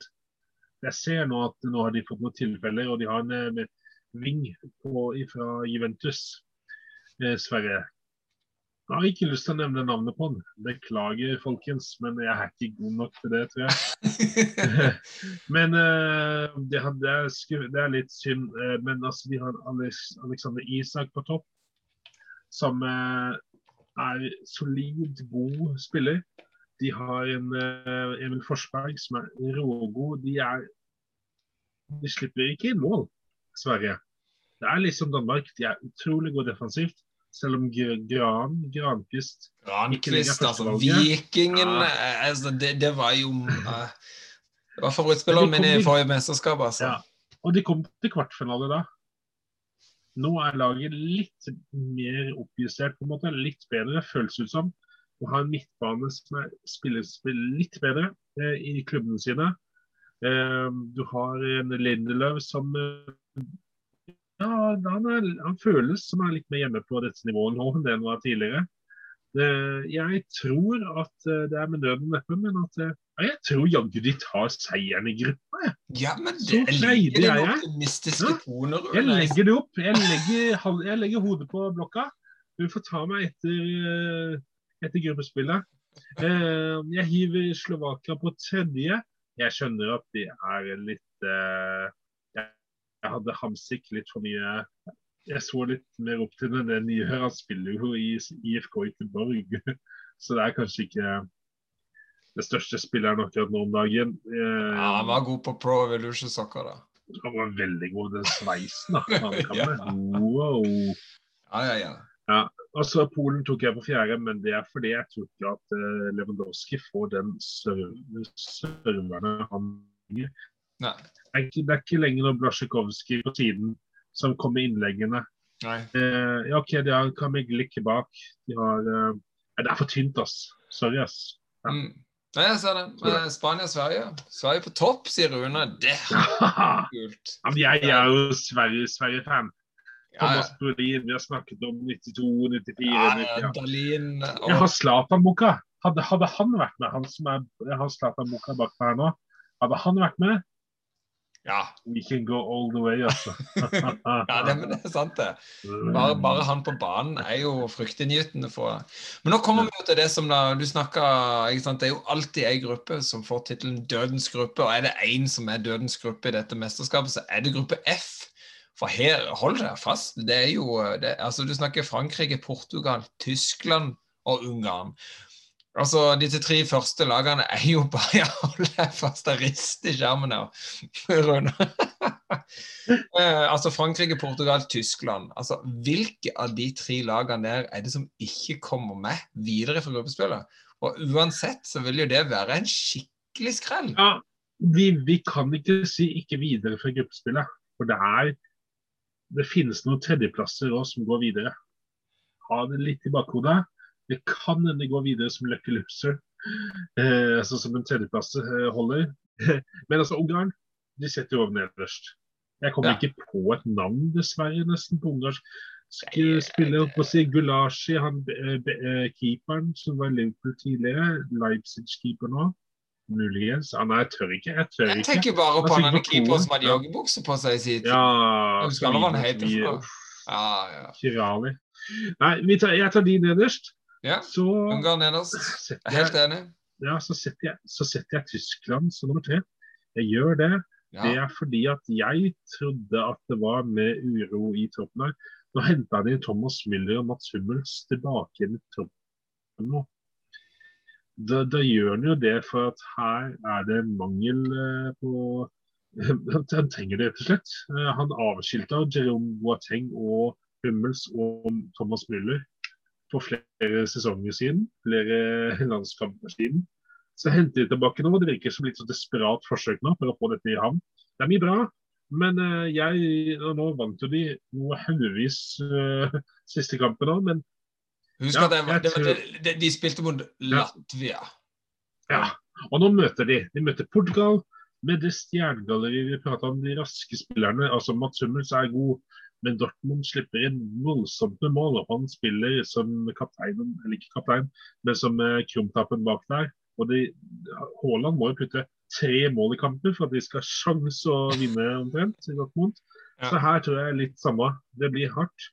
Portugal eh, fyker gjennom, dessverre, som nummer to. Og, men eh, Frankrike, de er Det er mange utfordrere i mesterskapet, men det er én favoritt. Ja.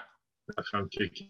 Og det tror jeg vi alle er enige om. Alt jeg har sett eh, av, av gittinger og favorittstemplinger på herene og derene i aviser og på, i podkaster og på nettsideforum, det er Frankrike er den store favoritten. Det er ingen tvil om det. De har et så solid landslag i, i alle ledd. Uh, så det er jo det er laget å slå. Men det er jo det, de har dette favorittstempelet. De kan bli litt cocky. De kan bli litt tatt på Mm. senga. Eh, Så selvfølgelig alt kan skje, men Frankrike er favoritter. Det er Portugal som Ja. heter Ungarn først. Det tror jeg gir en kickstart, rett og slett. Da har du de tre poengene til Portugal med en gang. Tenk da Frankrike-Tyskland. Tirsdag 15. juni. Men altså, Ungarn, Portugal Portugal får den seieren der. Dessverre, altså. Da tror jeg de, de er førersetet. Da kan de slappe av. Og, og det er Portugal i sitt ess, vet du. Selvfølgelig. Da skal de ut og ri på resultater og, og være litt kynisk og Men jeg tror, når vi snakka litt om de treerne som går videre Jeg bare sånn kjapt det. Jeg har satt Sveits. Du ville sikkert hatt eh, Wales som nummer tre da, i gruppa. A. Jeg tok Russland i gruppa der Finland blir hakkekyllingen. Det betyr at Russland får tre poeng. Ja. Jeg tok Ukraina, for det med Nord-Makedonia er i samme gruppe. Da får Ukraina de tre poengene der. Eh, Jeg tok Tyskland fordi Ungarn er i gruppa der. Tre Ja. poeng. Det kan holde til å gå videre. Mens, med i gruppa til England f.eks. Skottland, Tsjekkia kan fort bli uavgjort. Slovakia, Polen fort bli uavgjort. Det blir ikke noe Så i hvert fall Ukraina, Russland og, og et lag fra gruppe F av de store kanonene går nok videre som en tredje part. Ja. Da lærte jeg noe nytt, og jeg står bak din, uh, din lille analyse her nå om disse tredjeplassene. For dette har ikke jeg tenkt på engang. jeg har vært så opptatt av så mye andre ting at dette har gått meg hus forbi. Men det er derfor vi er to, Rune. Du kan fylle inn oh, der, der jeg bommer, og motsatt. Uh, helt på tampen. kalles det. Yes. oh. Hvem, hvem tror står i finalen, da? Hvem tror står i finalen til slutt? Hvis du har drømmefinalen Drømmefinalen min Min drømmefinale, det er, det er Frankrike-England. Det er bare fordi det er de to store lagene, og så er det jo England for meg. Det har det alltid vært. Det henger nok etter dette EM i 96, eh, som bare har innprinta seg i min hjerne. Så jeg skal sitte ved et mesterskap med England-trøya mi. Jeg har to stykker av dem. Sånn at jeg alltid kan veksle på en. Hvis jeg har fått sølt noe chips og brus og noe øl på han, så må jeg kunne ha den klar til neste kamp. Jeg, jeg håper på England-Frankrike. Uh, og jeg håper jo på Jeg håper football is coming home. Det hadde vært supersommer for meg. Og hvis, hvis da at uh, både Danmark og Sverige lever opp til mine forventninger, så, og England kommer seg videre fra gruppa som nummer én, som jeg håper og Portugal blir nummer to. Så OK, de møter Portugal da i en 16-delsfinale. Men så møter de Sverige og deretter Danmark i min lille analyse. Da møter de Frankrike i finalen. Og ja, jeg òg. Akkurat i finalen så er det ikke analyse, analytiske runder som slår til. Da er det hjertet. Da sier jeg òg Football is coming home. Football's coming home. Ah, det er jo det. Og, altså, vi snakka litt om i begynnelsen, altså, det gøye med mesterskapet er at det er litt lavere skulder og litt sånn. Men det er jo Nei, ikke det, det. Ikke det. Man må jo heie. Heia England, heia England. Uh, det er det. Men uh, helt på men, men, Ja, helt på tampen der nå. Jeg tenker at uh, Først La, la altså, febrilske notater mine. Ja, jo, fordi at jeg tenker at nå skal vi se disse kampene på TV. Jeg har gått litt gjennom analytisk gjennom disse her eh, TV-studioene. Og Det som er så bra, det er at NRK og TV 2 de samarbeider jo. Og det er kult. Det er bra. Det, er det betyr at vi får sånn mye fotball å se på. Ja. ja. kampene vises, Alle kampene vises på en eller annen måte. Om det er på NRK1, NRK2, NRK3, TV2, TV2 Sport1, Sumo, som nå er TV2 Play, som heter nå, eller NRK TV, altså nett-TV så vises det overalt. Det går på radio i tillegg på NRK sine radiokanaler. Eh, og jeg har jo sett litt på hvordan de eh, hvordan, hvordan de satt opp sine kommentar, kommentatorteam. alt fra hvor de er på kontraskjær og har sine livesendinger, til hvem som er eksperter der. Eh, hvem som er fotballkommentatorene i selve matchene. Hvem som er sidekommentator som er eksperten ved siden av Alsaker f.eks.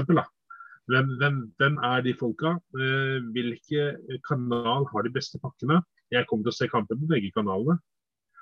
Eh, men jeg gir eh, selve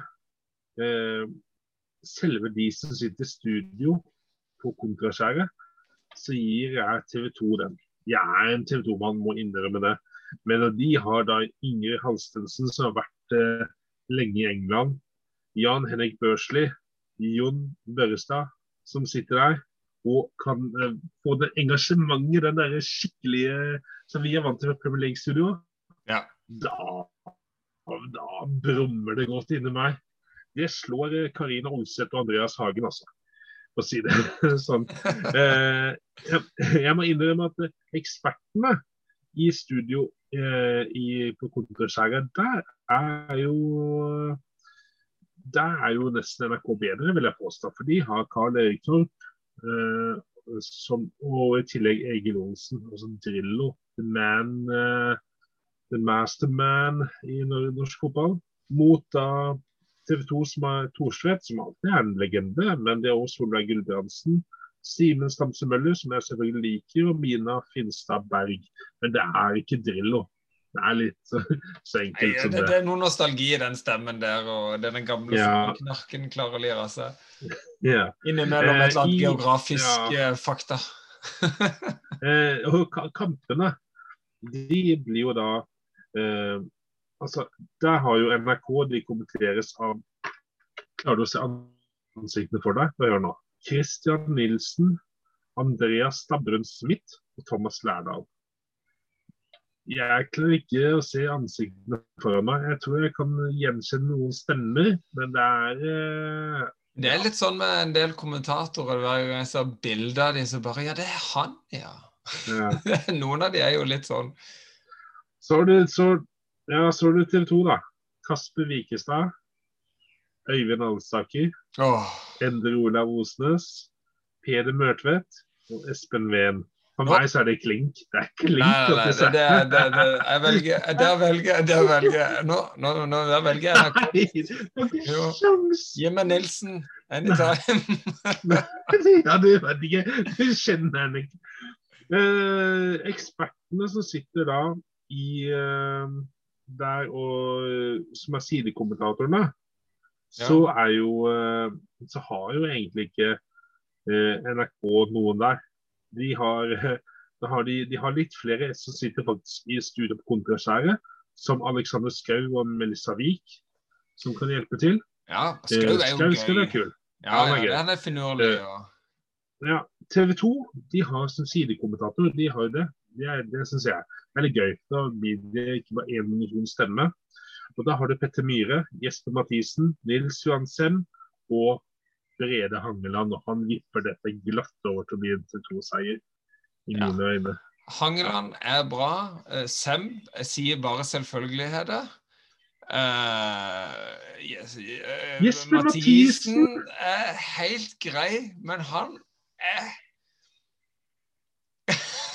Han er litt sær. Han er litt. Han er Ja, gøy, ja, han er gøy, han er gøy med, i disse, disse fotballprogrammene han er med på. Yeah.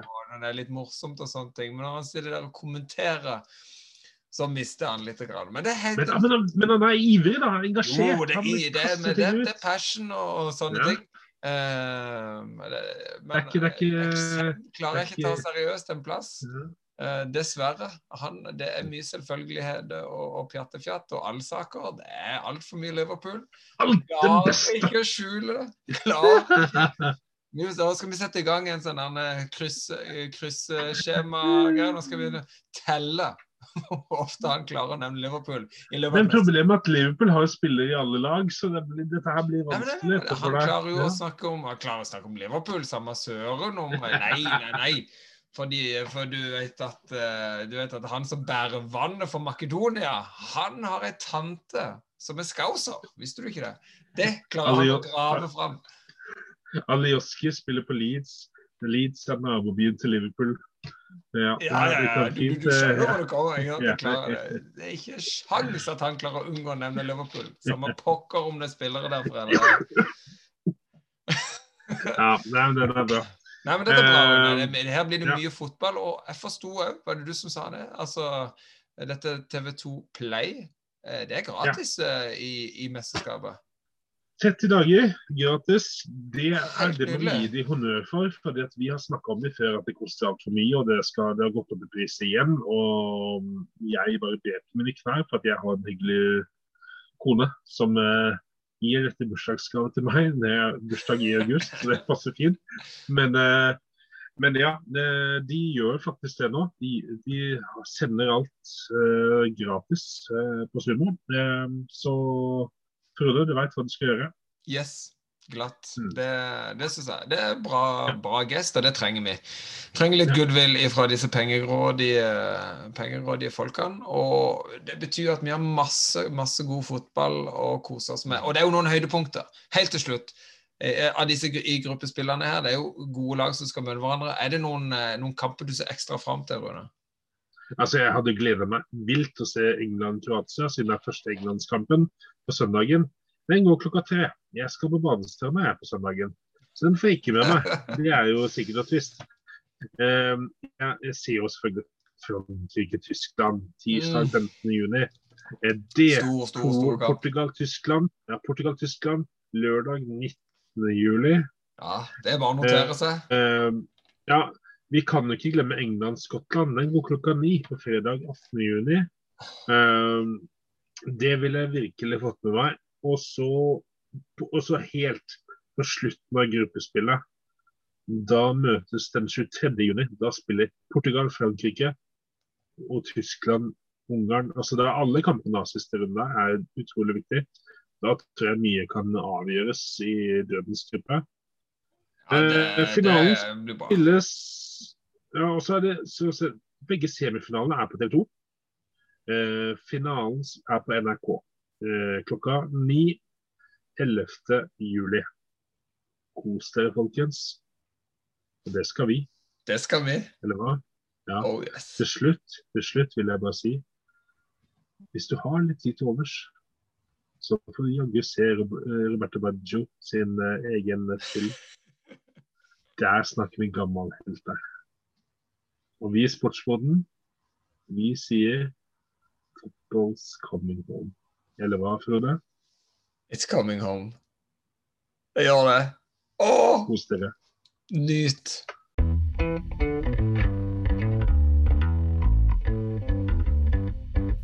Check it out, check it out, check it out, man.